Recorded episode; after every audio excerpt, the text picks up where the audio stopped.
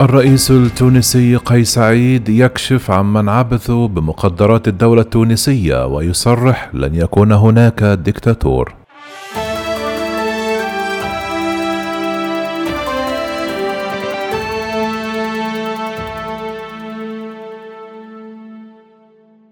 أكد الرئيس التونسي قيس سعيد في بيان أصدرته الرئاسة مساء يوم الجمعة بأنه لن يكون هناك ديكتاتور وذلك بعد تعليق عمل البرلمان ورفع الحصانة عن النواب والسيطرة على السلطات الحاكمة.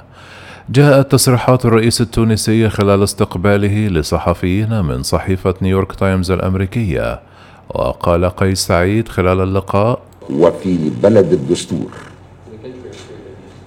وأردت أن أتقابل معكم اليوم لدحض وتفنيد كل الشائعات التي تروج لها بعض وسائل الإعلام.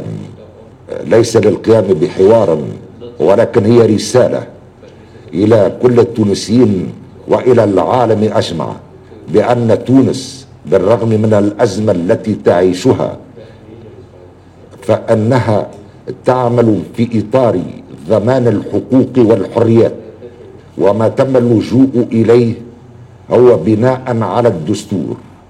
كما أضاف الرئيس رسالة للصحفيين إن وجدتم بعض الصعوبات في بعض المناطق أو الإدارات فهي ليست مقصودة ولكنها إجراءات للحفاظ على سلامتكم وسلامة الدولة التونسية مجددا تأكيده على حرية التعبير في البلاد.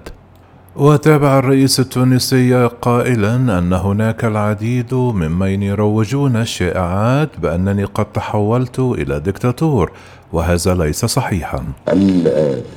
أعلم جيدا النصوص الدستوريه وأحترمها ودرستها وليس بعد هذه المدة كلها سأتحول إلى دكتاتور كما قال البعض بل هم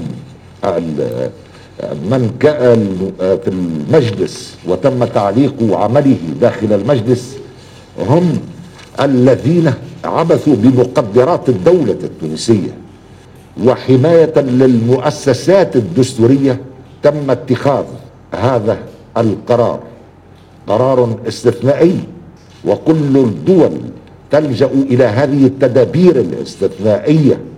ومن يتحدث عن خرق للدستور فهو كاذب لأنني استشرت رئيس الحكومة التي تمت إقالته واستشرت رئيس المجلس النيابي.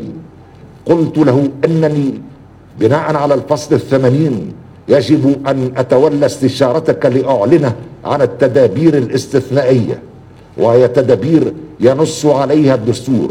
فكيف يتم الانقلاب على الدستور بالدستور ذاته؟ التدابير الاستثنائية ونظرية الضرورة التي ظهر في فرنسا وفي الفقه الغربي للحفاظ على كيان الدولة وللحفاظ على الحقوق وعلى الحريات وللحفاظ على القانون. ربما تابعتم أنتم من واشنطن أو من عدد من الدول الأخرى كيف كانت الدماء تسيل داخل باردو كيف كانت هناك خروقات؟